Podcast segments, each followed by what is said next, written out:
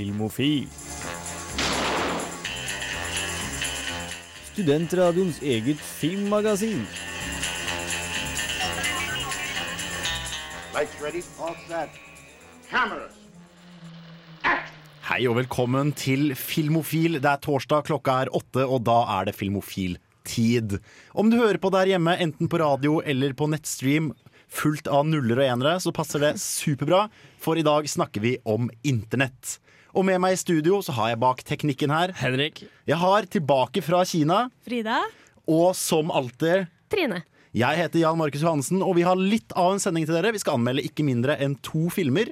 Det er Grand Hotell med Atle Antonsen og den noe spesielle og veldig actionfylte Hardcore Henry, anmeldt av Henrik her. Før det så får vi The Beauty of Mats med Liongeist.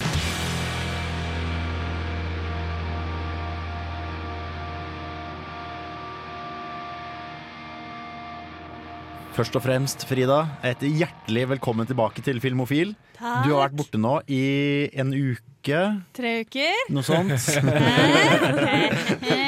Og du har vært i Kina. Jeg har vært i Kina på den eh, årlige tradisjonen som er NTNU sender ut uh, på en lang ferie. Så da er det jo naturlig, nå som du har vært borte i tre uker, å spørre har du sett noe siden sist. Ja, det har jeg. Jeg har faktisk sett noe i Kina, og det var Oh. veldig gøy. Eh, vi eh, gikk til en kino og spurte hei, kan vi få se Eller de satt på engelsk, altså, men jeg skal ikke ta det på engelsk. Eh, hei, eh, kan vi få se en film?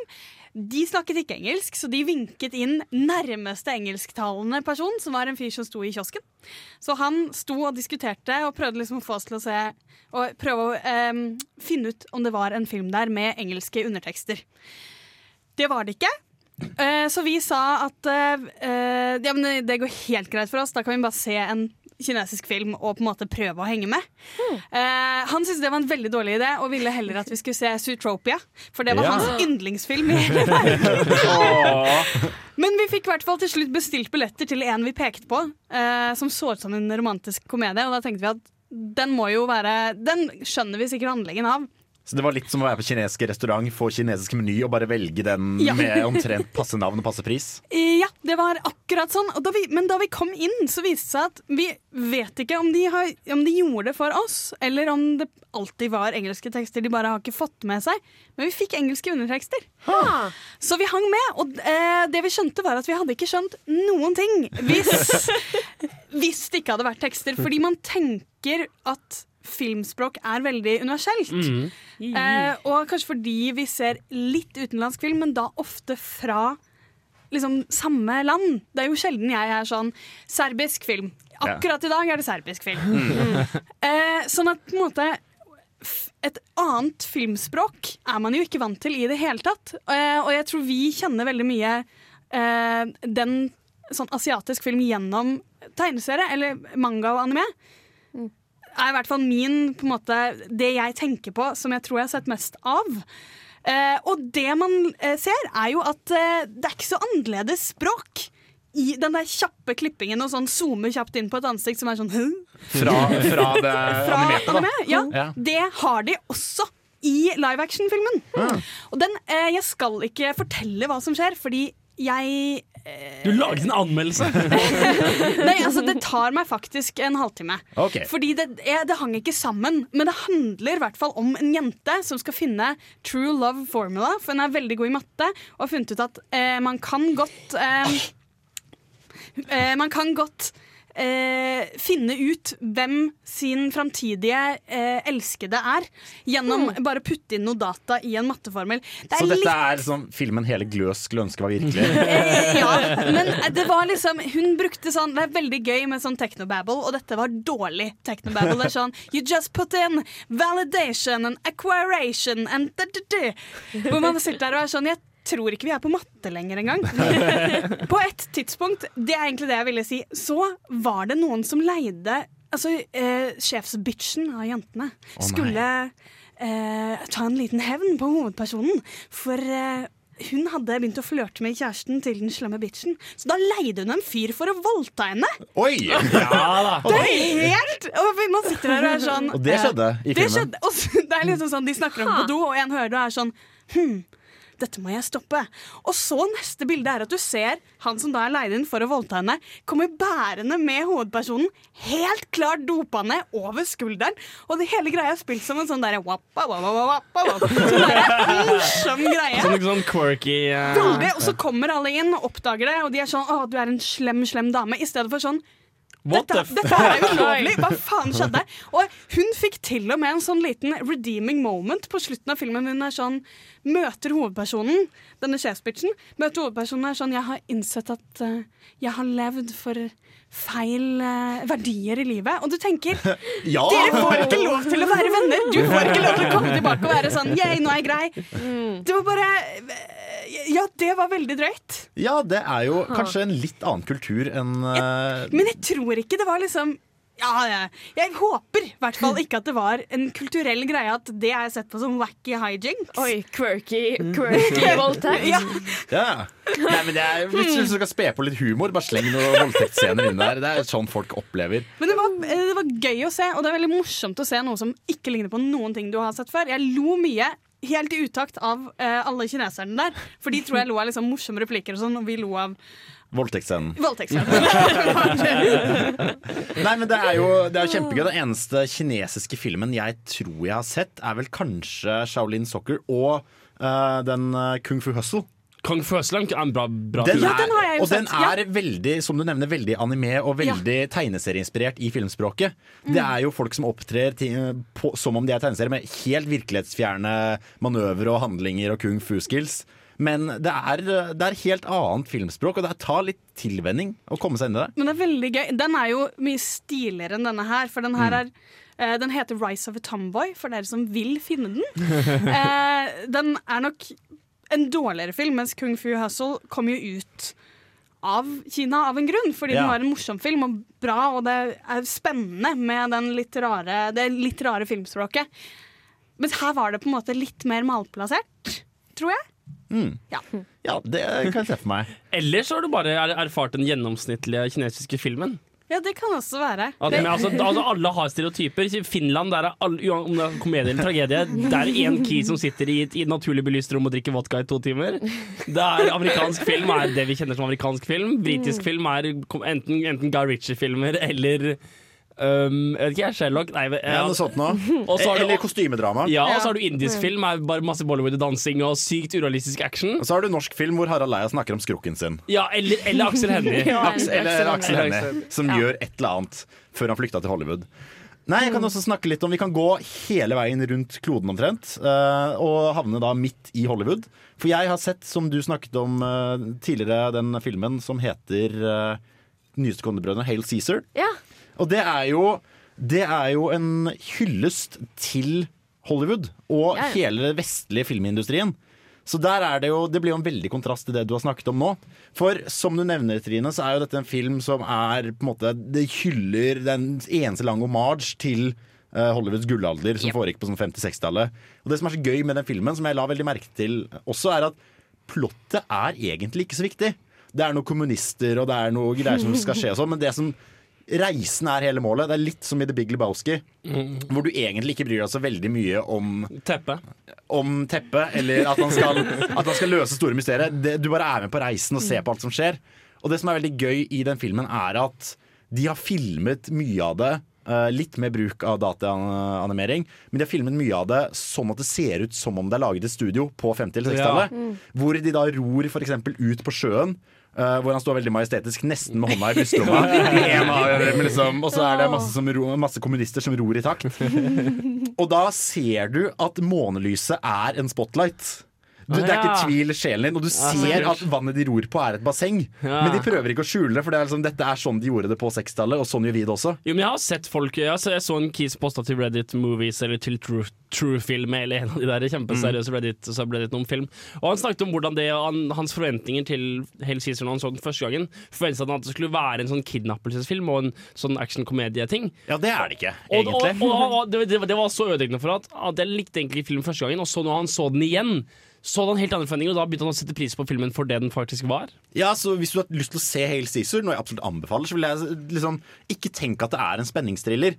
Tenk heller at det er et lite sånn slags uh, lappeteppe med en god rød tråd i midten, hvor du har veldig mange scener og veldig mange hyllester til, liksom, til musicalen hvor folk, eh, blant annet han Channing Tatum, står og danser på bord. Og at du har på en måte noir og alle de klassiske sjangerne. Og så hvis du er enda mer interessert, les eh, anmeldelsen min på dusken.no. Det kan du absolutt gjøre.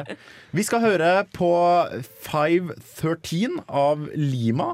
Men eh, før vi kommer, det, kommer dit, så kan vi jo friste med at eh, senere så får vi anmeldelse av Grand Hotell med Atle Antonsen. Han var i eh, byen i Trondheim. Fikk dessverre ikke til noe Du kan gå inn på Under, dusken og se en liten, annen, liten te telefonintervju som ble, som ble gjort. Ja, han eh, under dusken har eh, vært på saken og snakket med han. Så her har vi da Lima. Vi var jo inne på ting Trine har sett og anmeldt. Men siden sist, Trine, hva er det nyeste du har sett? Um, jeg så en film på forelesning, faktisk. Fordi at jeg har endelig fått en lata ræva mye gir og komme meg på forelesning igjen. Ja, og du går jo filmvitenskap. Ja. Mye forelesning. Så vi så en film som heter Night and Day. Med Med- Tom Cruise. Ja, og Cameron Diaz. Ja, det er en film. Hvorfor så man den i forelesning? Uh, Fordi det er en film som vet hva den er for noe. Det er en parodi på action, romantisk komedie og spionfilm. Så jeg fant ut at jeg kan bare kalle det romantisk action spionkomedie. Den tar hver eneste klisjé som finnes i alle de forskjellige sjangrene, og setter dem på rekke og rad etter hverandre. Og jeg sitter bare og stønner gjennom hele filmen. Bare, nei, det, det Ja, ja mm. Hun, hun, hun besvimer i hendene hans, flyet eksploderer, der kom det, ja, der kom ja. Men du sier jo at den, den eh, vet hva den er, og bygger opp alle klisjeene i sjangeren etter hverandre. Ja. Er det da et bevisst valg hvor de liksom gjør det litt sånn metatekstuelt? At se på alle klisjeene vi bruker for å gjøre narr av det, og er bevisst på det? Eller er det vi spiller klisjeene fordi vi ikke klarer bedre? Nei, jeg tror det er de spiller det, for de vet at de gjør det. Ja. Det, er en, det er som sagt en parodi på sjangeren, så alle klisjeene kommer fordi de skal være der. Mm. Bare for å få oss bare sånn Ja, der, ja. mhm. Jeg har sett filmen selv også. Det som sitter igjen hos meg, er at det er ingenting som ikke er 100% nødvendig som skjer. Hun bare svimer av hver gang uh, action er slutt. Og så våkner hun på en øde øy, og så begynner fly å skyte på henne. fordi hun var dopa ned. Og Ja, ja. plutselig, i slutten av filmen Jeg drit faen i om jeg spoiler det. Plutselig så kan hun håndtere to pistoler på én gang og skyte ned bad guys. Ja, Kan han forklare Ja, hun, hun, har vært, hun har vært i nærheten av Tom Cruise så lenge at det, det, gjennom osmose Gjennom osmose så har hun absorbert hans gunskills. okay. Det er jo åpenbart. Okay, Kan jeg snakke om en ting som jeg liker bedre? Gjør det. Jeg, så, jeg har eh, begynt å se Daredevil igjen. Ja, sesong to der, da. Jeg, jeg så ferdig sesong én Ja. for at jeg sto fast. Og du har faktisk en Daredevil-lue på deg i studio nå, Ja, så, Som du, jeg kan snu om til å bli en Punisher-lue. så jeg gjetter at du er en fan. Ja, faktisk. Jeg syns det er veldig bra. Den gjør action jævlig bra. Den, jeg syns den, den gjør det det legal stuff ganske bra. Det Liksom, det er veldig Ja, godt bygd opp. advokatsaspektet av det. Ja, takk. Jeg kan ikke norsk. Um, det er veldig godt bygd opp, alle sammen.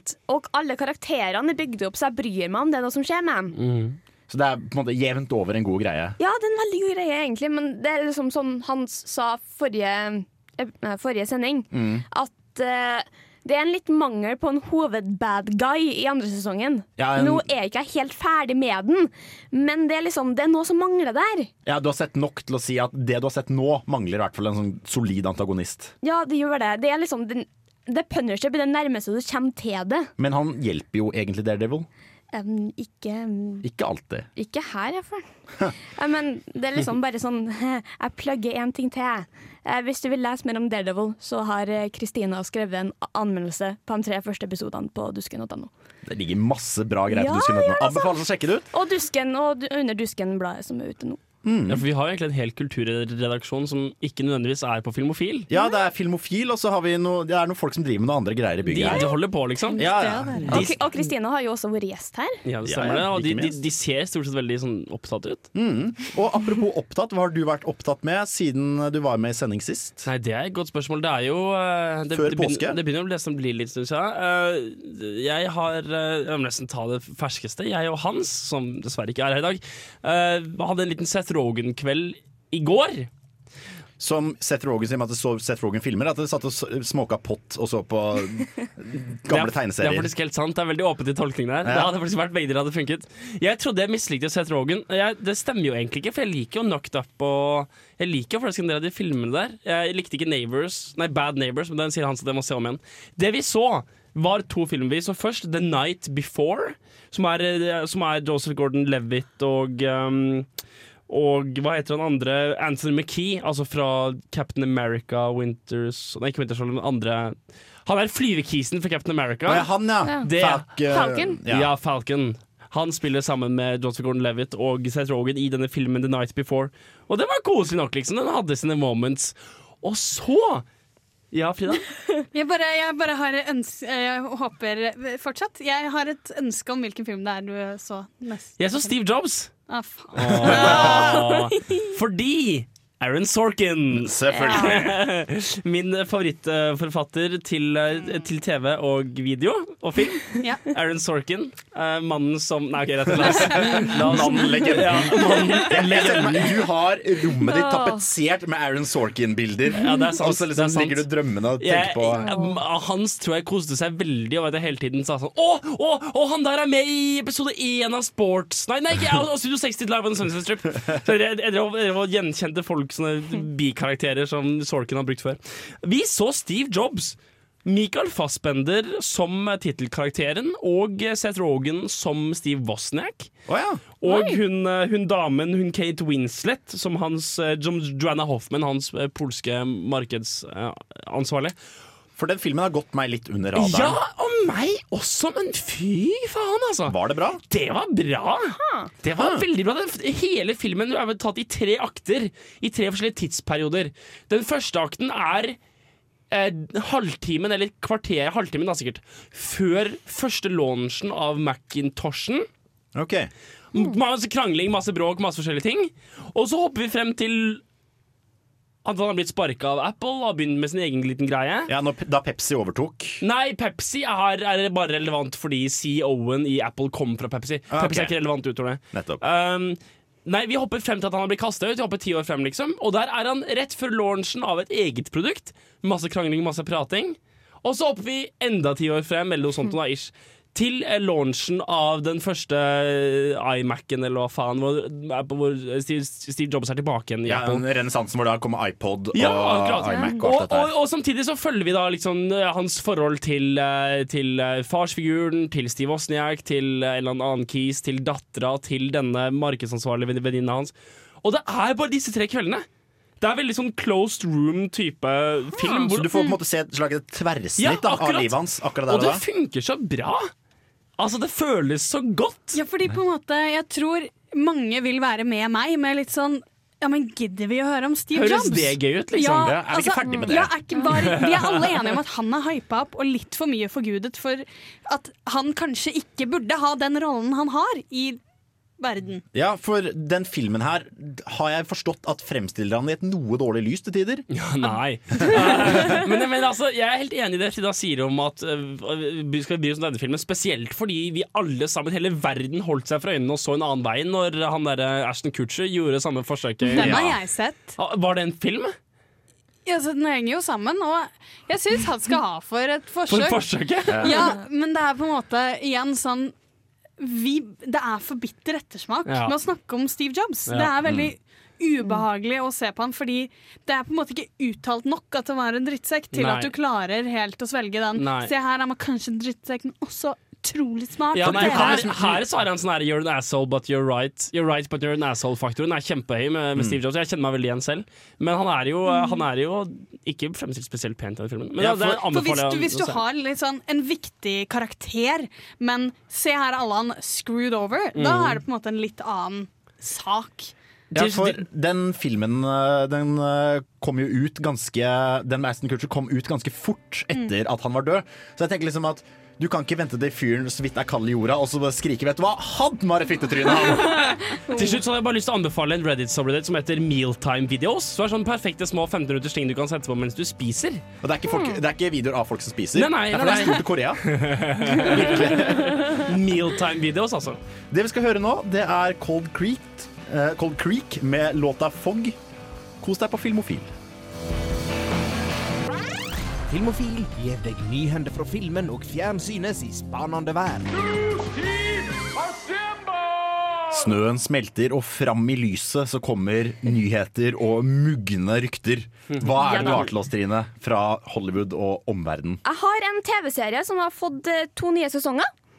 Ja. Um, It's Always Sunny in Philadelphia. Yes! To nye sesonger? Ja, derfor tok han. Så den blir liksom den, eh, den eh, live action-komedien som har pågått lengst. Ja, for den, har, den er vel oppe i ni sesonger nå? Tror jeg. Eh, nei, det mm, Elleve. Ja, det blir elleve til sammen. Nei, den holder på med sin ellevte nå. Å, steike! Ja, men Da er det masse å glede meg til. se- se- Season 11 of It's Always Summer in Philadelphia finished in March. Wow! Så den starter på sin tolvte nå, så får den 13 og 14. Nå begynner vi å komme opp der liksom, med, med South Park og Simpsons sånn. Så som du sier, longest uh, live action series. Yep. Ja. Men det, det er jo litt spesielt, for man har aldri liksom fått den store hypen. Den har liksom alltid bare vært der i bakgrunnen. Og jeg føler at mm, på en måte, de seriene som skal holde på så lenge, ofte er liksom How Much Met Your Mother, som alle snakket om en stund, og så bare kjører de seg ut. Ja, Men jeg tror også en av grunnene til at de har fått lov til å holde på så lenge, eh, og at de har holdt hva skal vi si, At de har fått lov til å være seg selv, er fordi de er såpass små. Eh, og du har folk som driver med dette fordi de syns det er gøy. Blant annet han eh, Danny Levito, DeVito, Ja. eh, som spiller dette her. Han ble jo med i sesong én, og så bare fant han ut Vet du hva, jeg digger å spille denne serien her. Så han bare fortsatte. Eh, og de har jo et budsjett som er i den store sammenhengen veldig lite. Det er jo ingen Ja, er kjente sant. skuespillere. Den mest kjente skuespilleren er Den DeVito, og han er jo ingen liksom AA-kjendis. Eh, og jeg tror de koser seg veldig veldig med å lage programmet. Og de sitter liksom Jeg er sikker på at de, den gjengen der sitter i en ring og drikker øl og tenker ut hva skal vi lage i neste episode. Eh, for blant annet så skuespilleren eh, Han som er, spiller Charlie, som heter Charlie i virkeligheten også, han er jo en av manusforfatterne, i tillegg til at han spiller i serien. Så jeg tror de rett og slett bare har det gøy med å lage den serien, og det synes på andre enden. Som, eh, hva skal jeg si, som Filmofils fremste It's Always Sunny Philadelphia-fan, skal jeg si det. Uh, vi har fått to nye casting til den nye Fast and Furious-filmen som kommer. Uh, Charlize Theron har blitt uh, Hun har nå offisielt blitt casta. Vi vet ikke helt hva i filmen hun har blitt kasta som. Jeg gjetter skurk. Og så um, Christopher Hivju har blitt uh, casta som en av eh, hovedskurken sin henchman. Yes. Ja, nei, men Hivju, han Det er, han fra, er Vi- er det han fra Vikings? Eh, Eller hvem er Game det of som- Thrones. Game of Thrones, ja. Ja, og deretter Birkebeinerne. Ja. Og så nå er han bare tydeligvis blitt en greie i Hollywood. Han da starta jo liksom med The Thing, da. Eller liksom hans amerikanske karriere. Amerikanske karriere. I mean, he's so med The Thing. Scandinavian. he's Så- just so Det er Scandinavian, liksom, man. så, så Mest sannsynligvis så kommer han jo til å spille en Skal du- tysk ja. skurk. Tror Ja, sannsynligvis. Ja, men Kommer det til å være Norges liksom, eh, fremtid, at vi spiller masse tyske? Fordi Alex Fogel fra The Martian, spilt av Aksel Hennie. Ja, Hva er greia med at nordmenn spiller tyskere, liksom? og Det alle er og, nærme, folket. Øh, Det er liksom ja. Borti der. Ja. Ja. Um, Sherlock sesong fire har starta å spille inn. Endelig! Så liksom eh, Benedict Cumberbatch er akkurat ferdig med å spille inn Doctor Strange og drar rett tilbake til London, for å, eller i Cardiff, for å spille inn uh, Sherlock. Men det er så lange produksjonstider i Sherlock at jeg har liksom bare Sherlock er liksom den TV-serien der jeg mest har lært meg å bare ikke bry meg. Ikke, ikke få noe puls på det, bare slapp helt Ja, ja, veldig- Fordi det tar tre jævla år mellom hver sesong, liksom. Jeg har hatt veldig samme tilnærming til det selv, hvor det er sånn Plutselig så er det sånn Oi, det er to uker til sesong to kommer ut! Oi, Ja, hvor da, kom det er kult, det er Ja. kult, men oi! Det er to og et halvt år til sesong tre kommer! Ja, du kan ikke det. Da må du bare legge det i en skuff, og så bare trekke det fram Ja, når det begynner å bli aktuelt Jeg vet ikke om smaken min er det samme når sesong fire kommer ut. liksom Så de har liksom kommet med en sånn bitte liten sånn Season 4 begins with the Mercury Lab Sherlock Holmes back once more on British soil as Dr. Watson and his wife Mary prepare for their biggest challenge yet, becoming parents. Ja, ja, ja. Det var, Wow. det, du, vet jo allerede at de Jeg skal bli ingenting. foreldre. Jeg vet ingenting. Jeg vet Har du ingenting. sett Jeg vet- sesong-. Har du sett Jeg sesong tre? kødder ikke. Man spoiler ikke Sherlock, liksom. Jeg kommer til å holde meg for ørene til du er ferdig. Er du ferdig? Jeg tror Trine er ferdig. Um, ta én siste. Ja, kjør på. Hvis det handler om Sherlock, så legger jeg på. Um, Rogue One har nå endelig fått en teaser-trailer. Ja. Ja, Den har jeg ikke sett. Og jeg er så fornøyd. jeg så den teaser-traileren, og jeg uh, er ikke så veldig imponert. Du er ikke, du er ikke teased? Nei, for vi så jo, vi så jo den for uh, The Force Awakens. Og den gir meg fortsatt gåsehud, selv om jeg har sett filmen. Og måtte hypen har gått over i stor grad. Double light sword. Yeah! Men uh, den, la meg prøve å beskrive en eh, trailer hvor du, har, du starter da med liksom en litt sånn nostalgisk klimpring av temaet tema på piano. Uh, og så har du en veldig, veldig sånn klartekstintroduksjon av 'dette er karakterene'. Uh, og deretter får du litt sånn sammensatte actionscener, litt sånn quips.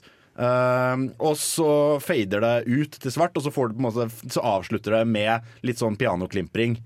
Uh, nei, vent, det var traileren til Ghostbusters! som er helt lik i oppbygning. Traileren til Ghostbusters, altså sånn pianoklimpring for å spille på nostalgien. Så har du helt sånn I'm a rebel. Hun sier I'm a rebel. Og så lister de opp hvor badass hun er. Alle tingene hun har gjort. Sånn, ah, du flykta da du var 15 og banka opp masse folk, og så får du en actionscene hvor du banker opp noen folk. Og jeg, føler ikke at spenningen fanger meg i det hele tatt. Men altså, trenger du å bli fanget av spenningen, eller er du allerede så godt liksom lenket ved ballene til dette Star Wars-konseptet, og du kommer til å se den uansett? De kan vise deg en bæsj som størkner i høy hastighet. Altså, en, en timelapse av, av, av en avføring på et bord i dårlig belysning. Tre minutter med timelapse av det, og du kommer fortsatt til å gå og se Rogue One. Nei, jeg vet ikke det, faktisk. Jeg er ikke den største Star Wars-fanen. Men det var et eller annet med den traileren uh, til The Force Awakens som var ekstremt bra laget, og jeg fikk bare ikke samme følelsen, rett og slett, av uh, traileren til Rogue One. Nei, nei, da kan, da, da kan du consider oss thoroughly unteased. Men det er jo bare å sjekke på internett, så finner du alt du trenger der. Altså, jeg har ikke noen flere nyheter. Nei, men vi har en låt. Ja, men ja. Har du, har du det nå? Da, ja, jeg kommer og slår deg over mikrofonen. Kanskje nyheten er hvilken låt vi får neste gang? da Ja, for uh, vi skal få Halcyon Years av eh, Panda Panda her på Radio Revolt. Har du likt oss på Facebook? Det er verdt å gjøre. Der ligger også ukas hjemmelekse. Og hvis du er kjapp, så kan du se den i låtene, for den varer kun i 17 minutter. Ja. Du kan eventuelt sette livestreamen på pause. Og Og vi, hvis du har på podkast, kan du pause podkasten og se den. ja, absolutt. Sjekk ut Noah fra 2013. Ligger på Facebook-sida vår. Jeg har vært og sett en film, den nyeste filmen eh, med Atle Antonsen i. Og jeg, jeg, man kan vel si at det er, det er den nyeste filmen til Atle Antonsen, for han har ikke laget den, men det er han som er trekkplasteret. Det er virkelig jeg er sikker på at filmen hadde ikke stått halvparten så bra hvis ikke det var Atle Antonsen som en alkoholisert forfatter uh, i hovedrollen. Men ved siden av at han er trekkplasteret, så er han vel også han som bærer filmen? Ja, i høyeste grad På samme måte som Dag, liksom. Ja, det er jo Det er ikke bare han som bærer Nei. dag! Herregud, Nei. Henrik. Jeg, jeg, jeg Oh my det. god, hellig helligbrødet. Men tilbake til Grand Hotel. Så er jo uh, Dette er jo en rolle som jeg vil si passer Atle Antonsen veldig veldig godt. Å spille en litt sånn kynisk, litt sånn livslei og forbanna type. Som han vanligvis gjør. Som han vanligvis gjør. Og det er greit nok, du kan si at fyren er satt litt grann i bås, men han gjør det så utrolig bra at det er Hvis du hadde putta noen andre skuespillere i denne rollen og denne filmen, så hadde folk sagt åh, men Atle Antonsen hadde gjort det bedre. Altså, jeg liker at alle har bare sett ting som irriterer. Og vært sånn, Atle, det er bra. Bare ton det litt ned, så er vi på drama. Ja. Det er veldig Det er Jo, men, deg. er det ikke det han har litt gjort denne gangen? Ja, det er eh, Vet du hva? Jeg har jo med en anmeldelse. Ja, anmeldelse. Så kan vi ikke bare høre på den? Utrolig gøy. Kan du fortelle meg hvilken dag det er i dag? Tuller du det? Nei. Lørdag. I dag er det mandag. Du har skrumplever. Så dette her skyldes jo alkoholmisbruket ditt. Grand Hotell starter med at den alkoholiserte forfatteren Aksel Farstad, spilt av Atle Antonsen, våkner på sykehus og får klar beskjed om at han har en sviktende lever og kommer til å dø om han fortsetter å drikke. Så da bestemmer han seg for å gjøre nettopp det. Med visjonen om å gå ut med et pang sjekker han inn på Grand Hotell for å skrive en siste roman før han stryker med. Og hvis jeg ikke slutter å drikke, har du to til fire måneder igjen å leve. På hotellet møter han flere ganger den ti år gamle gutten Noah, spilt av Håkon Bøhmer. Noah sliter med både Tourettes og ADHD, og kommer slett ikke overens med andre barn.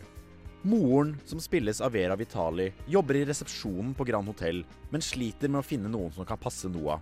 Gjennom et tilfelle av spontanitet og nesten usannsynlig tillit finner hun ut at den alkoholiserte forfatteren Aksel er den beste mannen til jobben.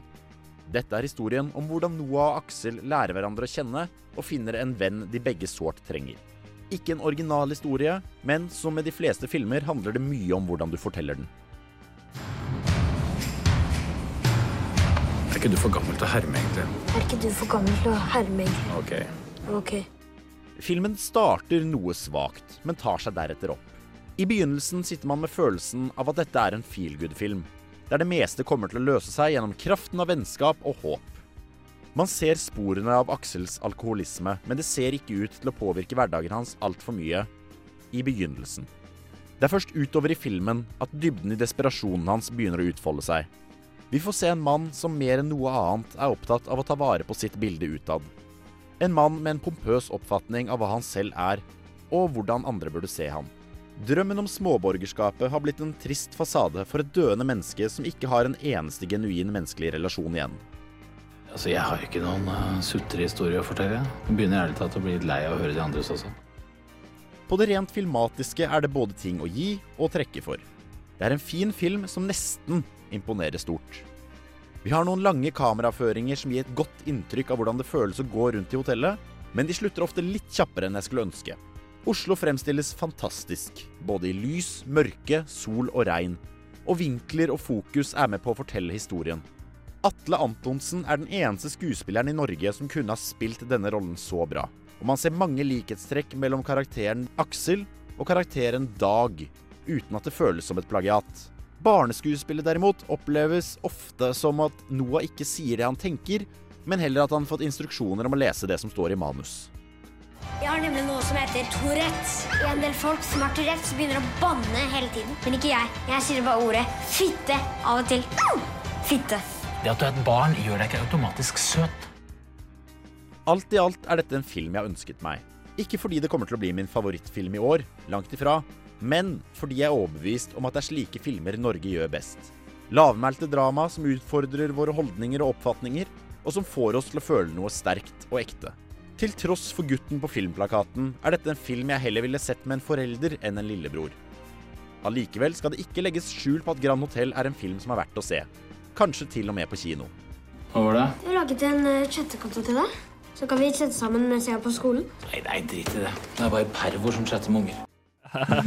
Men altså, vil du si at eh, inntrykket ditt er påvirket av på en måte den langtidskjærligheten du har for Atle Antonsen? For du, altså, du sier at er, han, han er den eneste i landet som kan gjøre den rollen. Det må jo fordi du har mye god bagasje med ham. Ja, eh, men det er også, hva skal jeg si, som du nevnte, så er hele filmen båret av Atle Antonsen. Han kiden som er med, uh, han eh, Håkon Bøhmer, som han heter skuespilleren Fitte. Ja, fitte. uh, han er Hva skal jeg si Han er et innslag som jeg føler egentlig kunne vært erstattet med en bedre skuespiller som også er eldre. Ja, Eller en liten søt robot og bare forandret hele, hele stemningen i filmen. Fordi det er på en måte Man får liksom sånn uh, wacky hijinks-følelse ut fra starten av filmen. At her er det en kid og en gammel mann som skal på en måte løpe rundt og fikse ting sammen. Og det er egentlig Ja, komedie. ja. Men det er mer en sånn slags tragisk lavmælt humring, hvor han f.eks. sitter og bare dekonstruerer eh, moren hans. Hvor de sitter og drikker vin sammen, og han begynner å få litt mye. Og så bare sånn, Du er en alenemor som eh, har bare ungen og jobben din, og det er det eneste du lever for. også. av og til drar du ut, men du liker det ikke, og hun bare sånn Ja, ja, fuck deg, da. Så du har på en måte den humoren der, eh, som er Det er en tristesse, men du finner også det morsomme i det. Fordi det får, det får det til å høres ut litt som en lysere versjon av 'Leaving Las Vegas' med Nicolas Cage. Det er bra, for jeg er akkurat i notatene mine her tenkt å sammenligne det som en sånn mellomgreie mellom Center for Woman oh, ja. og Leaving Las Vegas. Center, hvilken del av Center for Woman? Den triste, den, den kjipheten, Fordi liksom? du har på en måte Center for Woman, da har du sånn en karakter som uh, møter Al Pacino, mm. og så løper de ut og gjør masse gøy sammen. eh, og du ser dem i forskjellige settinger, hvordan de spiller på hverandre. Og så er det egentlig Al Pacino som stjeler hele showet, fordi filmen hadde ikke vært noe uten han. Ja, ja. På den andre siden så har du også Leaving Las Vegas, som handler, er en nitrist film om en fyr som eh, drar til Las Vegas, prøver å drikke seg i hjel og får det til. Eh, og, og, men, og hva skal vi si akkurat den avsløringen vil jeg si bare understen, forsterker hele filmen. Ja. Eh, og det eneste han klarer å få til, er litt grann kjærlighet med en prostituert som har det omtrent like jævlig som han. Ja. Så midt imellom her da, så finner du på en måte en greie som er sånn nesten gladfilm, men allikevel har veldig mange tone, undertoner av ting som er veldig voksent og veldig alvorlig og veldig sånn Shit, dette er livet. Noen ganger så tenker jeg at en komedie løper inn i den fellen av at de prøver å være morsomme. Og man sitter og ler ikke, og så blir det enda verre fordi man føler at de prøver å få deg til å le, og så blir det bare så jævlig. Og det er kanskje ikke noe denne filmen Det er ikke en felle denne filmen går i. Nei, lite grann i starten. Uh, for jeg som jeg sier Ja, det- I starten at- legger, legger de opp til en sånn stereotyp komedie. Ja, eh, jeg føler at I starten så føler jeg at ok, dette her blir en komedie. Greit nok han holder på å daue av eh, leversvikt og sånn, men det, det går seg til. Det går seg til. Det går seg til. Og så kommer han til å møte en Og så blir det romanse med mora. Ja, ikke sant? Det blir romanse med mora og sånne ting. Men etter hvert så blir det en mer og mer realistisk tilnærming til f.eks. alkoholproblemet hans, hvor Ja. du ser at ting begynner virkelig å forfalle, og menneskene som han begynner å nærme seg eh, så går det? Så går det på fylla, og så plutselig så sier han ting som ikke kan tas tilbake. Fordi han er fullstendig drita og har et kjempeproblem. For oss som savner Dag eh, litt, og er eh, egentlig ganske knust over at de aldri kommer tilbake, Mm. Ja, det, det er trist, ass. kan vi da bruke Grand Hotel som en litt sånn dårlig erstatning? Ja, jeg vil si at det er en slags, det er en slags dagmetadon. Ja. Som du kan Han kidden er Hvis du liker Dag, så vil du kanskje ikke være så veldig glad i han eh, ADHD-kidden, men han, han tilføyer liksom noe som kanskje gjør det litt mer tilgjengelig for hele familien. At Her har de prøvd å lage en film som du kan ta med alle fra 8 til 80 på. Men jeg føler at hvis de hadde sikta litt mørkere og litt mer alvorlig, så tror jeg det hadde blitt en bedre film som helhet. Men sa ikke du det om Toy Story også? Jeg sier det om det alle har med seg. Alle filmer blir bedre hvis noen har et heroinproblem. Men jeg vil også bare fremheve helt på slutten at det som tok meg litt på senga, var at cinematografien er ganske knallbra. Oh, ja? Eh, Er ikke han, han der kisen fra uh, Hvordan Hvilken film han? Kill Buljo og Nei, nei, nei, overhodet ikke ikke. Kill Buljo, men hva, hva heter det der? Fatso! Uh, skal vi se mm, Han kisen har laget Fatso, tror jeg. Nei, Eh, det ser ikke sånn ut. Han heter Trond Tønder. Eh, har laget nå nyeste Grand Hotell. Han laget 'Kyss meg for faen i helvete'. Uh, 'Knerten i knipe', blant annet. Eh, 'Rottenetter'. Men jeg vil si at dette her er en film Mye som ræl der, må jeg Ja. si. Det var ikke noe sånn Men jeg vil si at han har potensialet til å bli større og mer kjent enn han er. Fordi du ser han begynner på noen one-takes hvor de går liksom ut av lobbyen inn på kjøkkenet. Og så tenker du å shit, nå skjer det, nå kommer the one-take. Uh, og så kutter den kort. Men du ser at tanken og ideen er der, og bruk av lys og bruk av vinkler. Og hvor du ser Atle Antonsen på nært hold, litt ut av fokus, sitte drita og bare si helt feil ting foran en stor forsamling. Det er, det er bra. Det er bedre enn mye annen norsk film jeg har sett. Og du som ikke liker pinlige scener engang? Ja, Nei, den sleit jeg med. Da, da var det litt ned i notatblokka. Ta ekstra mye notater. Ekstra. No, noterer skikkelig hardt. Ja, noterer skikkelig hardt gjennom siden. Faen, helvete, hvorfor må det her skje? Nei, men så absolutt. Det er, det er en film som er verdt å sjekke ut. Men Med hele familien, kanskje. Spesielt hvis du har eh, familiemedlemmer som ikke liker godt, godt, godt skuespill. Ja, Da kan han ungen være en glede. ikke sant? Da, da kan du ta med han også. Nå skal vi få closing shot, eh, radio edit av Lindstrøm. Og etter det skal vi få den litt mer actionfylte hardcore. Vi kan først komme med en liten saksopplysning. Det er ikke uh, Trond Tønder som har regissert Grand Hotell. Han er cinematografen. Og det var det jeg prøvde å trekke fram. Regissøren derimot heter Arild Frølich. Så er det på det rette. Frølich. Frølich. Og da skal vi trekke Skal vi ta et steg inn i temadelen av denne sendingen her. For vi er jo inne på internett, og det var jo der inspirasjonen til filmen du har anmeldt, startet. Ja, altså, En film som kom ut som heter Hardcore Henry, som jeg var og så. Og Den handler om en kis eh, som våkner opp og har fått byttet ut litt sånn deler av seg selv med, med, med, med metalldeler. Han har blitt litt sånn million dollar man med litt sånn metallbiter av seg selv. Og så kona liksom ja, 'Nå skal vi være flinke', og så kommer det en bad guy, og så må de flykte fra laben. Det, som, som, som Super Mario bruker han resten av filmen på å jakte på kona og kjempe mot denne bad guyen. Og det var en det var en fuckings hardcore film å se, altså. Den lever opp til tittelen. Jeg prøvde å lage anmeldelsen litt i samme spirit som filmen. Vet du hva, Jeg syns vi bare skal høre det. Jeg var jo så Hardcore Henry, Å, fy faen!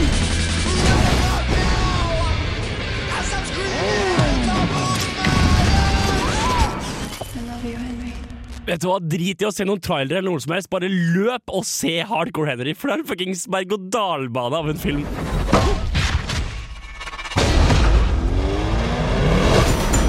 OK, OK, ok, greit.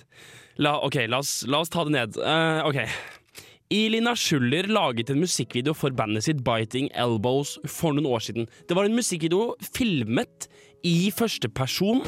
Slik at man så liksom armene som om man var personen som blir filmet. Dette gjorde han ved å feste GoPro-er, sånn lite sånn actionkamera, på masken, og fikk en stuntmann til å løpe rundt og gjøre masse skitt. Denne videoen ble en verdenssuksess. Musikkvideoen var rå, og det var morsom, og det var action, og det var, det var fucking breathtaking. Nei, det var, det var, det var, mye. Og, og nå har de gjort samme greia bare i 1 time og 30 minutter. 1 time og 30 minutter med verdens hardeste russer. Og herregud, her går det unna.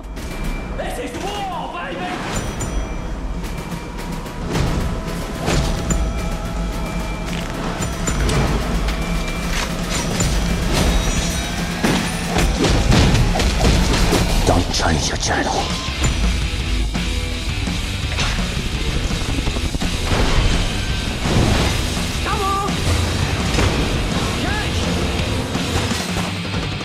Det er vanskelig å unngå spillsammenligninger til en film som det her. Jeg sitter og, og føler at det er det er som cutscenene fra Far Cry. Det er som løpingen fra Mirror's Edge. Det er som skytingen fra, fra Counter-Strike. Men det å se førstepersons view Det er som å se en skikkelig erfaren gamer ha det kjempegøy med et helt nytt skytespill som man aldri har spilt før. Det går litt over stokk og stein, og etter hvert som plottet utfolder seg og liksom nye utfordringer kommer, men han er dritgod. I tillegg har filmen faktisk humor. Den har faktisk øyeblikk av variasjon. Og det villeste er at de klarer faktisk å trappe opp både action og blodigheten i løpet av filmen, slik at du sitter og blir fortsatt overveldet.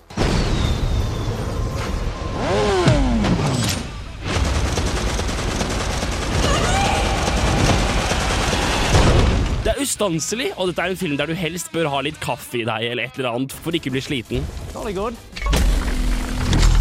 Denne måten å filme action på er ganske nytt. Og det er flere småting de gjør for å få det til å funke bedre. De klipper på en måte som får det til å virke som en kontinuerlig single take, eller at de bare klipper på en naturlig måte, slik at du ikke nødvendigvis legger merke til det. For å få fortgang i scener som ellers hadde vært litt, litt langdryge. Det er som en eneste lang båndjaktscene, og det funker ganske bra, altså.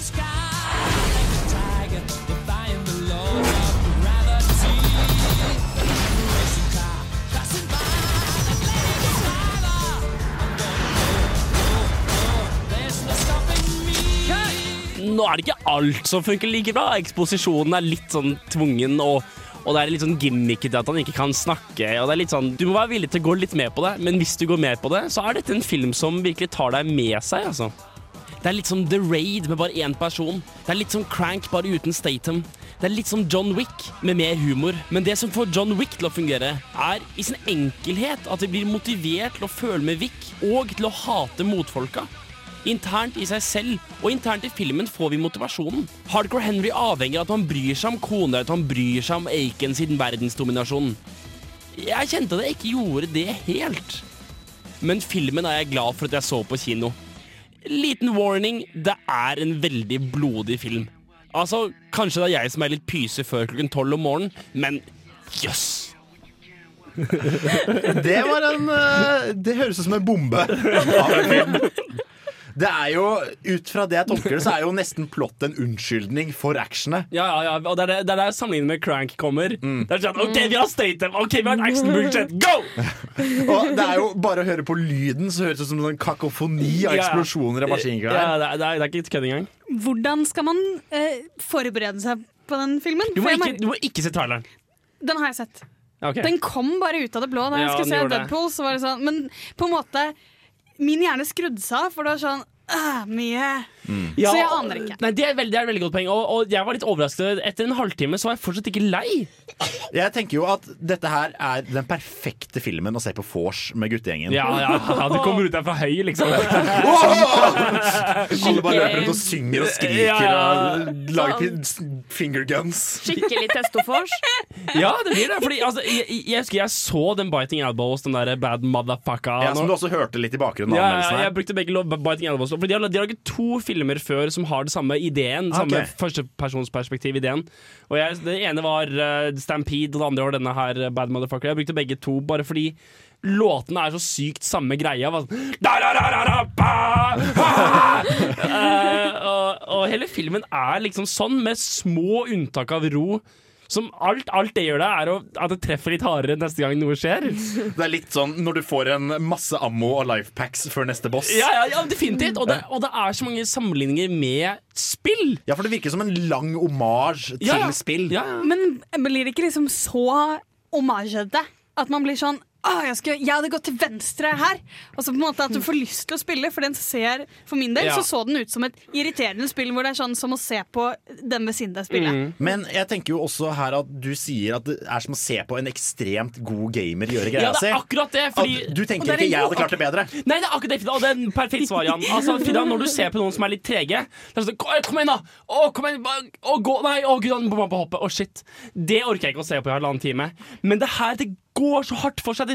Han er liksom bam, bam, bam! Det var tre hodeskudd for folk som kom opp en trapp han løp forbi. Altså, det, sånn, det, det det, det, går, det, det går så fort, og du sitter, bare, du sitter med åpen munn og bare Holy Så for meg shit. som eh, eh, ikke kan spille, for jeg bare løp, liksom, prøver å løpe fram, løper rett inn i vegg og står og løper Ja, ja, ja, inn i veggen, så er dette her sånn Dette er. Dette er som om jeg var dritgod. Ja. Oh my god.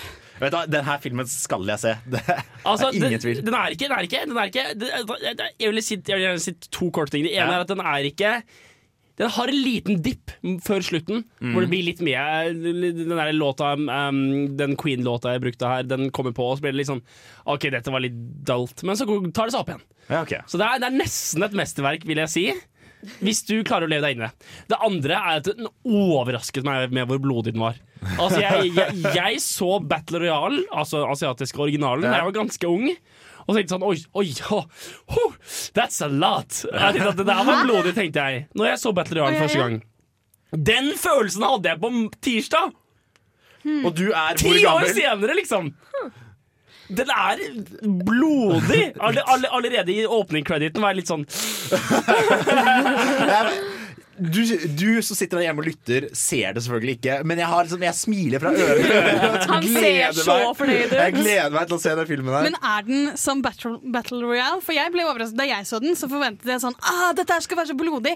Den var mest morsom. Jeg ble veldig opphengt i han ene som var sånn Faren min var fisker til alt mulig. Så var det faren hans som hadde en jobb. Er det liksom samme type god Nei, humor nei, som nei. distraherer deg Nei, fra er volden? det. Det er, det er, det er, ikke det. Det er, det er humor som er morsomt igjen hvis du klarer å leve deg litt inn i det. Ja. Hvis det er ting som begynner å irritere deg med filmen, så kommer du ikke til å like filmen overhodet. Så ta to pils og len deg tilbake. Ja, ja, ja, ja, Vet du hva, Det ja. høres ut som en knallfilm. Nå skal vi få Inculado, Inculcado, unnskyld meg, med Dance My Way.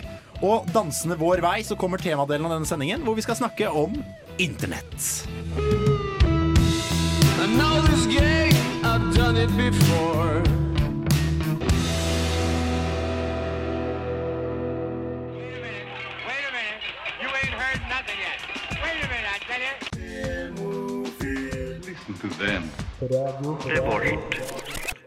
Og det er på tide å kaste oss rett på den store verdensveven, hvor, hvis du hører på podkast, vi allerede er. Vi skal snakke om internett i film. Og på det mørke 90-tall så gjorde jo denne mystiske tingen inntog i mediene våre. Og hva skal vi si? Det var jo for mange, spesielt de gamle grå gubbene som drev Hollywood, så var jo internett magi. Du kan jo se på for eksempel tidlige filmer som Swordfish, eller ikke minst Jurassic Park. Åh, Swordfish. Hvor du da har en eh, kid um, som kan dataer. Uh, og så sånn Oh, wait, I've seen this before! Og så sitter hun sånn. Og så klarer hun å hacke mainframen, og det kommer fra innsiden i Åh, Oh, hadde bare vært så enkelt. Ja. Og, Altså, Swordfish. John Travolta med sånn kort, blondt hår.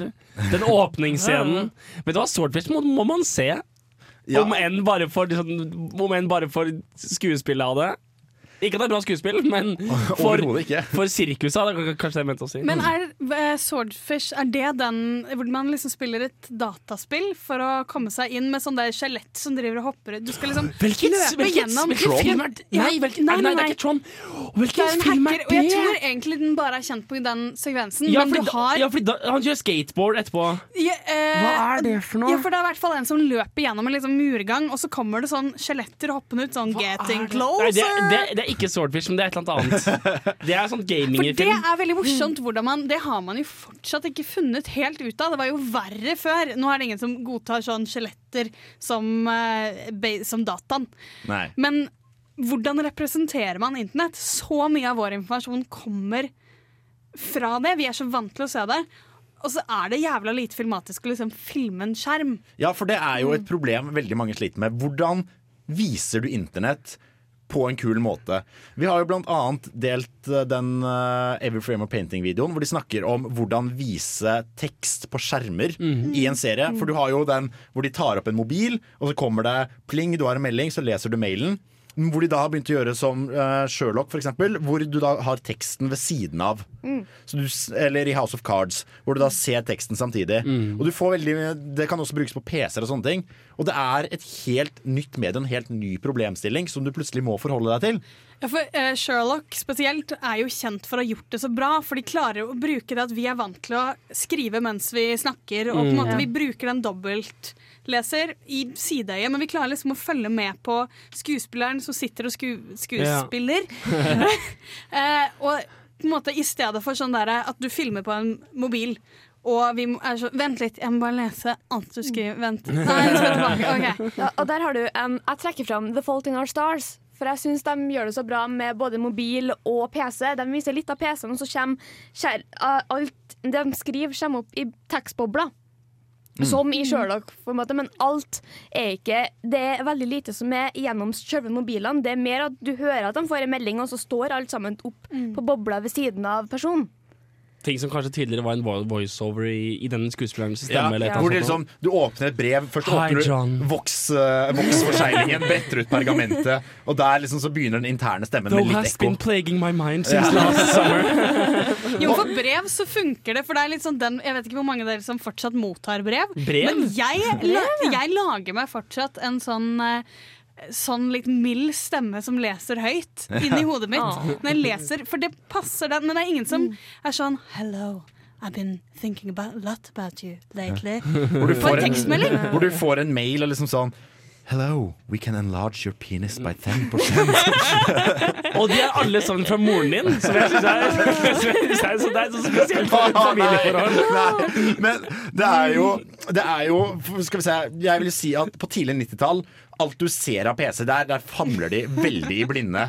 Og uh, det er jo også en helt ny pro problemstilling i måten de fremstiller f.eks. The Matrix. Hvor du har dette med at ting er koblet sammen. Du har data. Du har, der er PC rett og slett grønn tekst som faller ned på sort skjerm.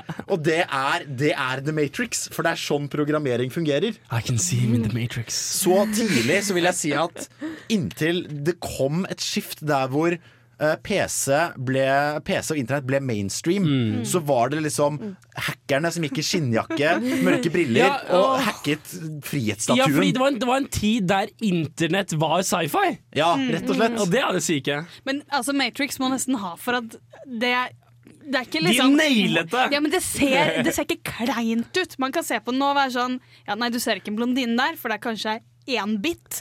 Men altså, utenom at en litt sånn dårlig At det ikke henger helt sammen. Ingenting i Matrix henger vel egentlig helt sammen. Så Snakker det var i hvert fall stilig. Og det funker fortsatt som en stilig greie. Det funker dritbra. Og veldig lite fra 90-tallets forståelse av internett. Hvordan internett kom til å være, hvordan vi forstår internett, har eldet på samme måten. Ja, for det var en døgnflue. Hva skjedde egentlig? Vi skal snakke litt mer om hvordan en eh, mer moderne film så på det magiske internett, og hvilke voldsomme destruktive krefter det innehar. Vi skal snakke om Die Hard 4, men før det så skal du høre Secrets av bandet Great News. Håper du koser deg med Filmofil. Play it once, Sam. Det er jo alltid å ha musikk når den er påtent. Helst noe indisk eller pakistansk. Ukas filmlåt. Og ukas filmlåt er 'Fortunate Son' av Creedence Clearwater Revival. Og grunnen til det er jo at det er jo fra blant annet Den er brukt i veldig mange filmer, men blant annet fra Die Hard 4. 0,0. Med Med Timothy Ollefant, eller som, eh, eller som Kevin Smith kaller han, Timothy Olyphantastic. Ikke sant?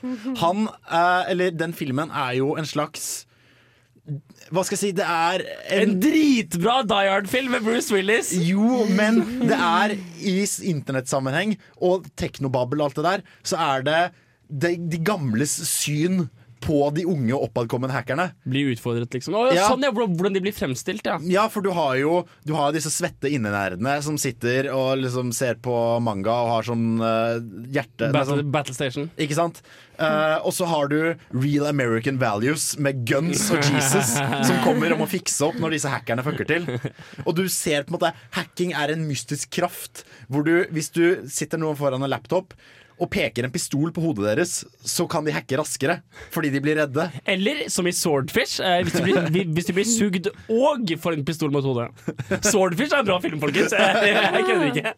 Men er det ikke fortsatt type sånn Lisbeth Salander blir også fremstilt sånn Å, hacking er magi! Hadde jeg hatt veldig det tastatur her. Yay! Nå har jeg logget inn i NSA, og jeg vet etternavnet til faren din. Altså, Ja, det blir fortsatt jeg, jeg, fremstilt som ikke, jeg har faktisk ikke sett de filmene. Det burde jeg gjort, men eh, det er Det er Fincher, da, mann. Ja, Nei, det er det jo ikke. Beklager, det er jo den jeg snakker om. Den, den Fincher Lisbeth The Girl with the Dragon Tattoo. Ja. Ja ja, men det er da egentlig svenske filmer, og man er da enig om at den absolutt er best. Er man det? Ja, fordi du har med Rapaz Rap, jeg Ra- ra-. Rapace. Hun er jo kjent for å ha gjort en mye bedre rolle. Men Daniel Craig! Ja. Uh, Eh, Pretty boy. Greit, der fremstilles jeg for litt som sånn der margin og liksom hackingen. Og, og der er det jo også Hun besøker jo og får en USB-pinne av en eller annen kis, og han er sånn sortkledd, litt sånn emo-aktig fight keys som Ja. ikke vil utafor døra. Og det er jo Der har du på en måte Hovedskurken er jo selvfølgelig en hacker selv. Hvor han da beskrives med at 'This is the guy who hacked into NSA with a laptop'. Ja. Uh, liksom, hvor, hvor, de da sier? Ja, hvor de da forteller anekdoten om at han på et Pentagon-møte klager på at infrastrukturen er for dårlig. Mm. Hacker NSA for å demonstrere, hvor en av generalene da går opp og peker en pistol i ansiktet hans for å få han til å slutte. Ja, ja, to stop the hack. Ja, to stop the hack. Og det er, det er på en måte Hvis man kan litt grann programmering, ikke noe jeg skal late som jeg kan engang, så vet man da at du kan ikke nødvendigvis bare dra opp en laptop og hacke deg inn i noe fordi du trykker fort nok. It's all about pressing them keys. Og det er jo det er en slags sånn merkelig oppfatning som folk som Fordi PC er så adskilt fra alt annet som er intuitivt. Hvis du f.eks. snekker et møbel, så ser du at ok, dette var en planke. Nå er det to planker satt sammen. Nå er det mange planker satt sammen. Normalt. Ok, det ble et møbel. Mens hvis du ser masse merkelige tegn og bokstaver fly over en skjerm, og så plutselig så sprenger det Hvite hus, så ser du ikke linken mellom det. Nei, det får veldig sånn magisk vib vibrasjon. Ja, det er Sånn dark internet og liksom sånne ting. Ja, ja. Og det er egentlig det som er så fascinerende med Die Hard 4. At de har den de prøver på en måte å dra Technobabble og ha hackeren som en av hovedpersonene, men det er hele tiden klart at de har ikke peiling på dette her. Nei, nei, Og all action er manuell action. Og her må man jo bare spørre seg Hvorfor var det ikke en som var sånn hm, Dette kan vi jævla lite. Skal vi bare få inn en Ja, Men det er ikke sexy. internettfyr Det er ikke sexy å se sånn fem karer sitte i tre år for å finne et smutthull i en eller annen firewall. Det er ikke gøy. Men de kunne jo bare fått inn en til å altså Det er jo ikke Det er jo ikke like spennende som kjapp tasting. Men de kunne på en måte, hvis de hadde villet. Det er så jævla lett! Ja, og bare få inn en eller annen, en eller annen skikkelig blodnerd som bare Du, det der kan du ikke si. Vet du hva? Men, men, det ordner seg til slutt. Bruce Willis hopper på et fly og skyter bad guyen gjennom sin egen skulder. Og så avsluttes hele filmen med selvfølgelig Fortunate Son.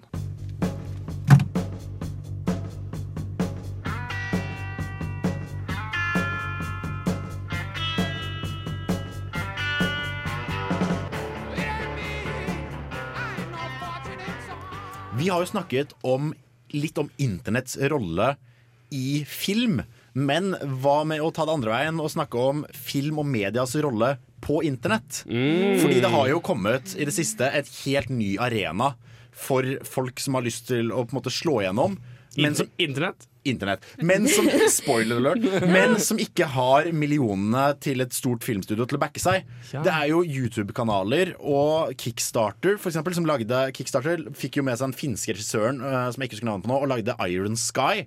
Som har en fullstendig Å nei! Fullstendig crowdfinanced film. Den var jo kjempemorsom. Ja, å herregud. Var det? Jeg, jeg, jeg, synes jeg husker at det var Ja. sånn halvtime av den. Jeg gadd ikke- Å, jeg flirte så godt Ja, jeg jeg så den. det sånn- det, er, er nazister som har vært på månen i alle disse år, og så kommer de tilbake Ja. og bare ah, lols. Og det er jo på en måte Du hører at det er en idé som ikke er ment for studio. Det er jo ment for folk som er sånn Fuck yeah!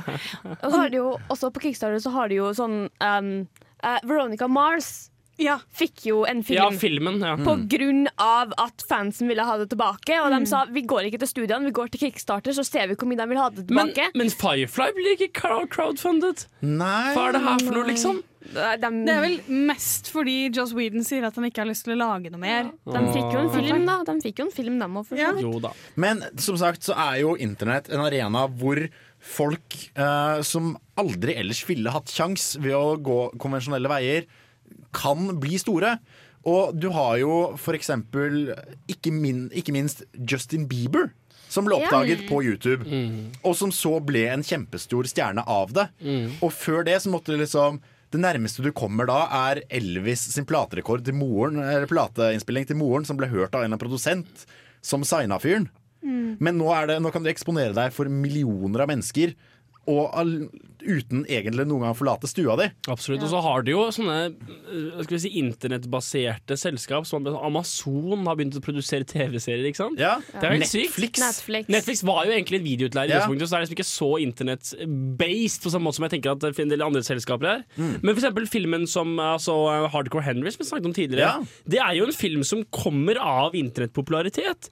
Og det er også en film som ehm, avhenger av den globaliseringen som internett har medbrakt, fordi den er produsert av en sørafrikaner og en, en russeramerikaner i Russland med amerikanske skuespillere.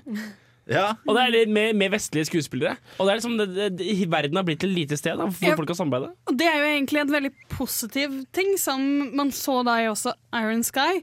Bruker jo da tyske skuespillere i stedet for folk som snakker litt sånn klein. Mm, Eh, da snakker de tysk. Eh, selvfølgelig, fordi selvfølgelig kan vi forstå det. Ja, ja. Og det, det gir den der, det at man husker at ja, men dette kommer til å være sett over hele verden, ikke i vårt land med våre skuespillere. Det er jo sånn, eh, Tommy Wirkola, da han lagde Død snø, så sa vel han at jeg lager en zombiefilm fordi zombiefilmer har fans over hele verden. De, Og det var jo litt før bølgen kom. Sånn, Var det det? Helt, det var oppi det. Ja, ja, Mm. Så han var liksom sånn De ser, uansett hvor den kommer fra, så er det nok Ja, zombiefilmfans ja, til at de ser de som kommer. kommer. Og, og Deadpool hadde jo aldri blitt en film hvis det ikke hadde vært for at den der lille Hva heter den? eh, demoen, eller hva faen Ja, det ble lika på Det ble Comic-Con. lika, og da ble den funda. På grunn av, all, på grunn av at Sony eller hvem det var oppdaget all, all, all, alt styret rundt den. Og det, det vi egentlig kan understreke her, er jo at internett har gitt en måte å kommunisere direkte med massene. Ja. Du har ikke en, eh, lenger et sånn publikum hvor du tar inn fem på gata av forskjellig etnisitet og religion, og så screentester du det på en 20 mennesker. Her kan du kaste noe ut på internett, og så kan 200 000 mennesker se det i løpet av en halvtime. Og det er det som er så fascinerende, fordi folk bruker fortsatt Nielsen-rating for å kjøpe eh, rek reklametid på amerikansk TV. Så det er masse cable, eh, masse sånn eh, amerikanske eh, TV-selskaper og, og filmselskaper som er det på sånne utdaterte måter å måle seere og suksess på. Mens internett har gjort helt om på det. ikke sant? Det fins jo TV-serier som har blitt eh, Som har måttet slutte fordi de får ikke nok penger gjennom konvensjonelle midler. Ja, altså, Kjent Community har jo blitt kansellert hver sesong. Så der, der har ikke nok seere. Og de hadde jo nok seere, Ja, men bare at de er på internett. På verdensbasis. Det er, jo det, det er jo dette South Park eh, Creators, Matt Stone og Trey Parker, har jo sagt sånn derre Vi kan ikke være så jævla mot nedlasting, fordi South Park hadde aldri overlevd hvis ikke folk hadde lasta oss ned. Og de ble jo også eh, oppdaget gjennom en sånn liten kortfilm som ble da sendt rundt på VHS. da Men på en måte denne forløperen til internett som antageligvis er mye lettere. Men nå er det jo også det problemet at du drukner mye mer. Ja.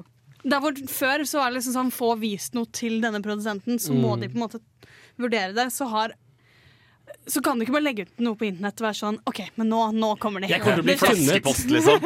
Tar, putter, putter forslaget i flaskepost, kaster det ut på internett, er og så håper du at noen ser Det det. er det. Du lager en, lager en SoundCloud-konto og spiller inn en låt, og så ja, da satser vi på at noen hører den. Og så plutselig, plutselig er du Kygo, eller så er du glemt. Ja, ja. Og det er liksom det er, det er liksom den, den, den spekteret går utover. Men man skulle håpe at internettet hadde en eller annen effekt på å øke gjennomsnittlig kvalitet.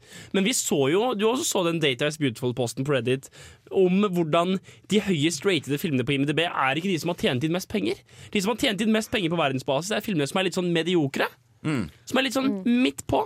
Men sånn har det vel nesten alltid vært Jo, det også. kan, det kan jo godt være, men jeg skulle ønske at det, det globaliseringen av internett og den muligheten til å kommunisere med alle brukerne ville økt kvaliteten. Ja, jeg tror rett og slett du må øke kvaliteten på publikum først. Det hjelper ikke å ha, være 100 tilkoblet dem hvis de bare liker dritt. Vel, apropos, eh, apropos du, du jeg som bare sitter og ser på det amerikanske valget på, på internett. Ja, ikke sant? Jeg, jeg tar del i ting jeg aldri hadde muligheten til for eh, 20 år siden. Vi skal høre Frankie Cosmos med Is It Possible eller Sleep Song.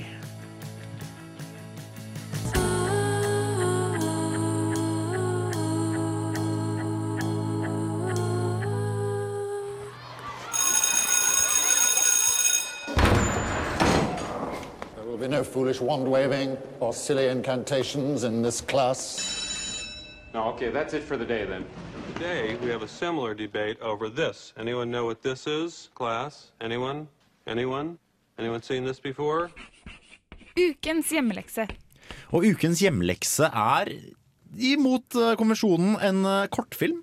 Og Det er den 17 minutter lange filmen Noah fra 2013, som jeg vil si forteller et kjærlighetsdød og krampetrekninger i løpet Åh. gjennom en PC-skjerm. Ja. Det er fuckings vondt å se på, ass. Ja. Ja, det gjør vondt, men den var veldig, veldig bra.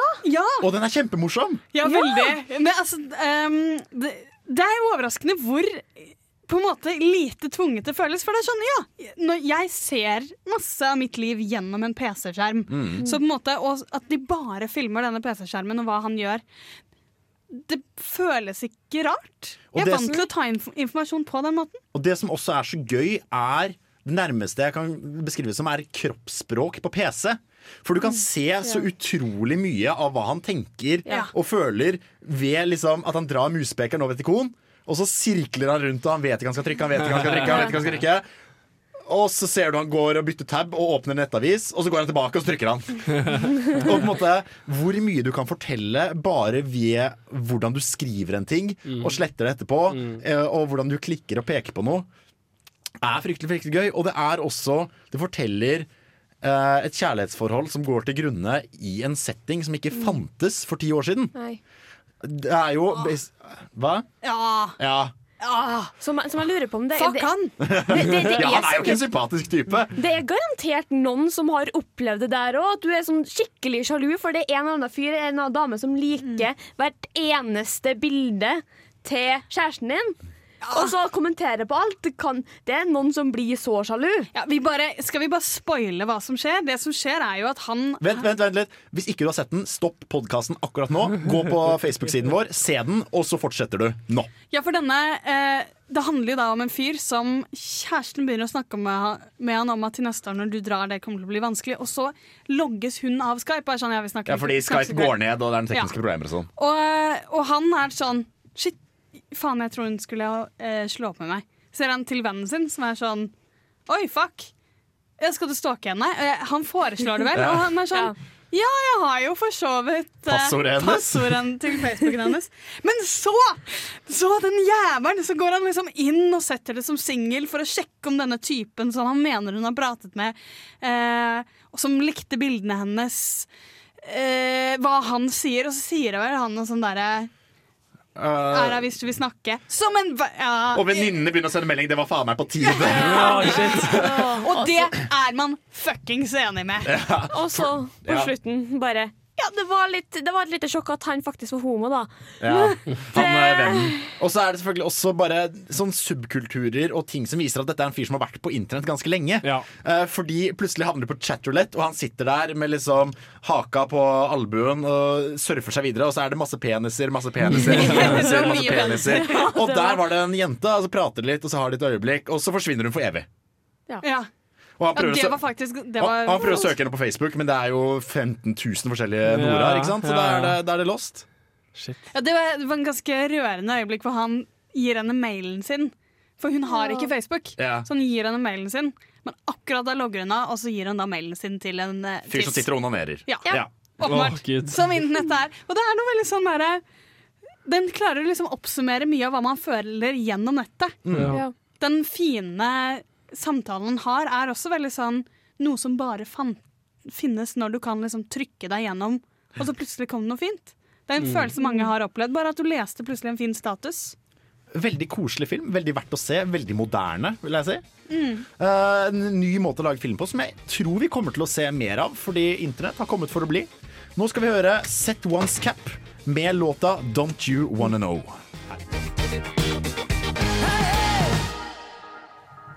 Vi skal snakke om Vi har snakket om media eh, på internett. Internett i media. Og nå skal vi snakke om brukerne som bruker internett. Og eh, etter crowd request så har Hans Ystadnes kommet tilbake på sending. Ja! Hei, Hans. Hei. Velkommen tilbake. Tusen takk. Vi hadde ab absolutt null innringere, og ingen på Facebook. som, som Skulle til å si det er mer enn vanlig, da.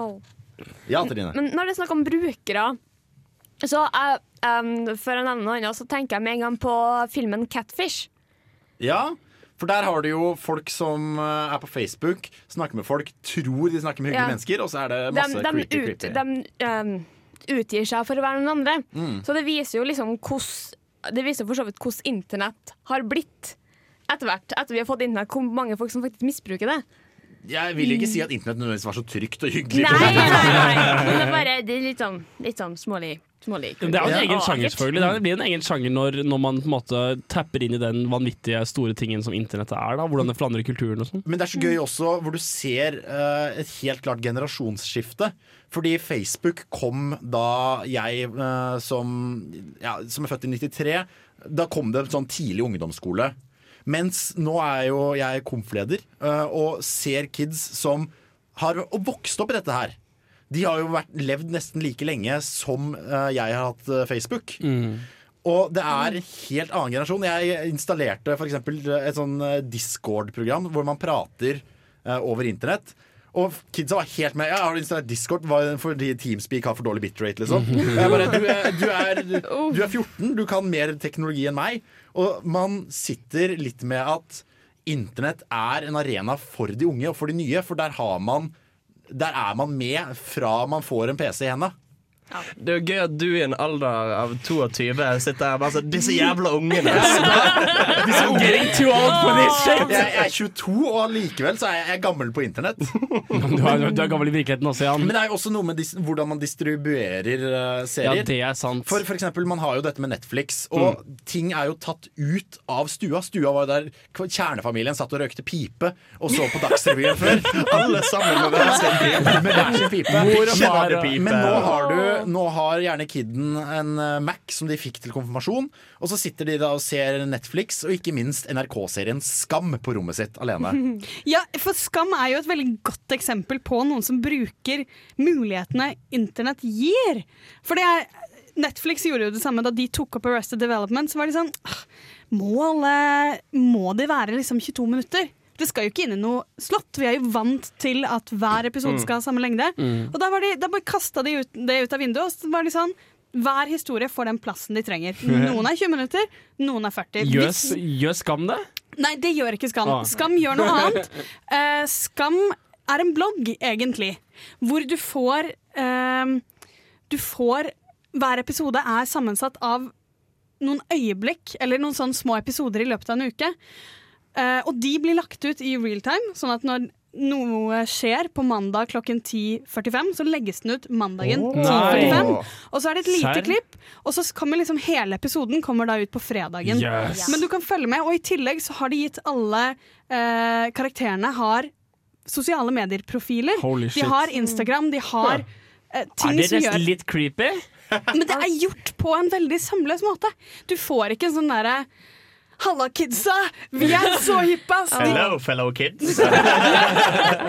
Jo, men de, de liksom klarer å få de karakterene til å virke veldig ekte gjennom sosiale medier. Du tenker ikke noe over det. Men de har jo også eh, Skuespillerne har ikke lov til å ta De har ikke lov til å få være med på intervjuer. Det er ikke lov i det hele tatt. Um, de holdes veldig skjult av NRK. Um, Men altså, det, her, det her er en serie som handler om de tre jentene, ikke sant? Fem. En kunstner og så hver, hver sesong handler jo om ei jente. Og imellom Episode, mener du? Eller Nei, sesong? hver sesong, hver Yes. sesong handler om ei jente. Og igjen, imellom da, de der småbitene av, av eh, episode du får, så får du også et lite utdrag av en samtale på Facebook, gjerne. Eh, Litt sånn meldingsutveksling hvor de er sånn Og noen av dem handler om noe i serien, mens noen av dem er sånn billige nudler. Og så liksom snakker de om det. Og så på en måte de, Det fungerer veldig godt fordi de har nok tatt kjemien mellom de fem jentene veldig på kornet. Det er noe av det den serien har, noe av grunnen til at den funker så bra. Og alle, alle de som spiller i serien, er mellom 16 og 19 år. De er i den aldersgruppa.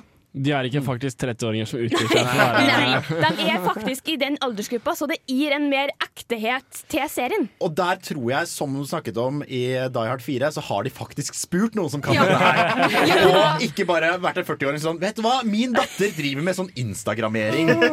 Men, apropos, men ap apropos TV-serier. Jan, skal ikke vi, eh, skal vi ikke ha ukas, ukas serie snart? Jo, vet du hva? Det syns jeg. Kjør på. Vi skal få La La La av Faulty Loft. Og så skal vi prate om en serie som er veldig midt oppi teknologien internett og alt som har med data å gjøre. Silicon Valley kommer snart. La, la, la, la, la. Hei! Hei! Det er ikke 90s sitcom-flashback. Ta og Skru på noe annet. Ja, bedre, men prøv igjen. Der, ja! Ahem. Filmofil presenterer ukas serie. Dette er en eh, serie som heter Silicon Valley. Det er en serie som på tirsdag jeg ikke visste hva var, og som jeg i dag har sett alt av.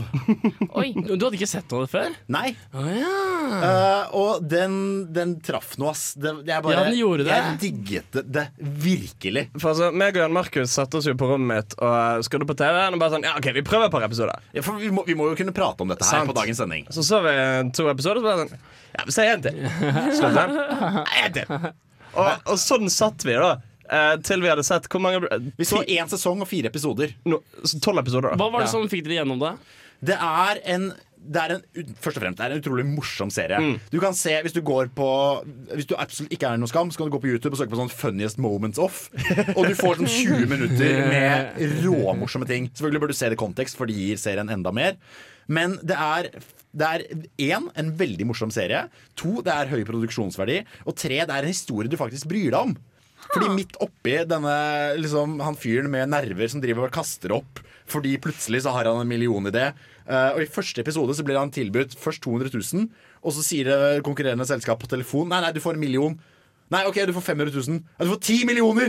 Og han bare sånn, unnskyld meg, unnskyld meg. Og så går han og kaster opp rett ut døra. Ja, men det er sant, Den har en hovedkarakter som liksom fungerer som moralske senter på vekta, som er det fordervede Silicon Valley som serien beskriver. Mm. Den tar det litt på kornet også, føler jeg. Av og til. De driver og disser uh, den siste Apple-produktet. Altså, de driver og gjør masse forskjellige sånn morsomme ting. da Og Altså, Han har et jævla bra karaktergalleri som klarer på en måte Altså I motsetning til uh, Big Bang Theory, så klarer han å lage et karaktergalleri av veldig nerdete weirdos. er weirdos. som er veldig forskjellige. Men, ja, men, ja, men det føles ikke som bare sånne jævla karikaturer, på en måte. Eh, det, det føles ikke som nerde-blackface, som noen har kalt uh, The Big Bang Theory. Det føles liksom som faktisk spikra karakterer som er ganske rare, og som holder på med ganske nerdete ting, men som du liker likevel. Ja, fordi det er jo, Mange av dem er jo ganske gode drittsekker, Mm. men allikevel så klarer du å sympatisere med dem, og du vil dem vel, fordi de er så velskrevet. For eksempel han der feite fyren med skjegget, Mm. som ikke ser ut i måneskinn, og er egentlig et helt morbid, jævlig menneske. Men som har denne syke karismaen. Ja, når han liksom Og egentlig er ganske OK. Og når det virkelig står på, liksom du tenker at shit, nå kommer han til å fly veggimellom, sier han nei, du, jeg vet det betyr mye for deg, det er greit. Og så er han jo faktisk egentlig ganske viktig. Han blir jo Ja. bæsja på egentlig kontinuerlig, men han er egentlig ganske viktig for uh, Pied Piper.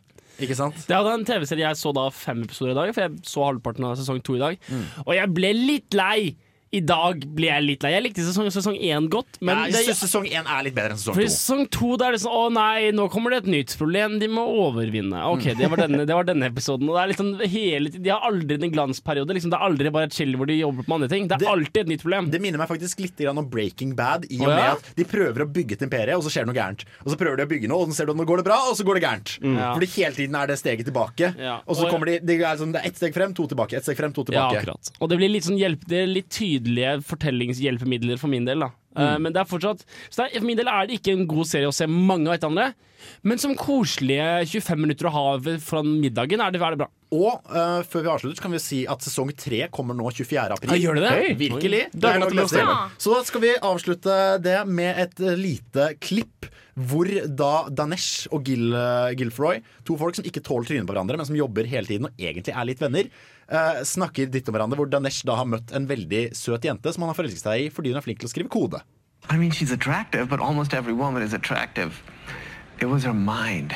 She wrote this Java method that was the most beautiful thing I've ever seen in my life. Elegant, tight. There's just something so hot about a woman that can code like that, you know? I just want to crawl in her frontal lobe and. What's up? You know I wrote that code, right? No, this code was on her system. A banged up 15 inch MacBook Pro with shitty stickers on it? Everyone here has a beat up 15 inch MacBook With a 1.3 chip and only 2 gigs of RAM? She doesn't know Java. I wrote that code. You said you were in love with her mind. You realize what's going on, right?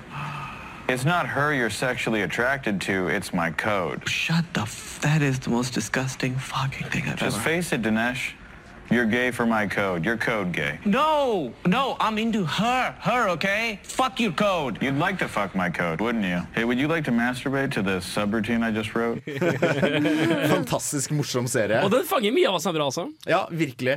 Uh, veldig mye bra quips og bare karakterer i hele serien. Men det er egentlig Vi er ferdig med denne sendingen. Da var det over! Da var det over. Nå blir vi ikke om det lenger. Og det er på tide å tenke på hva som skjer neste uke. Da skal vi snakke om internasjonale samarbeid. Ja. Og ukas hjemmelekse er Insomnia, den originalen fra 1997. For det er samarbeid mellom Sverige og Norge. Og han, skal- han, Det blir han, ikke mer internasjonalt enn det. Nei. Men skal, han skal på premiere. yes, stemmer. Skal se Huset, den tysk-norske skrekkfilmen. Det blir bra. Så vi kan vel egentlig bare takke for oss. Med meg i studio så har jeg hatt Hen- på teknikk. Henrik, beklager. Timingen, timingmesteren. Som plutselig inn fra ingen steder kom. Hans Ysternes. Jeg har også hatt med meg fra Dansk Filmskole Frida Hempel. og fra Filmvitenskap NTNU. Trine Moger. Jeg heter Jan Markus. Takk for oss.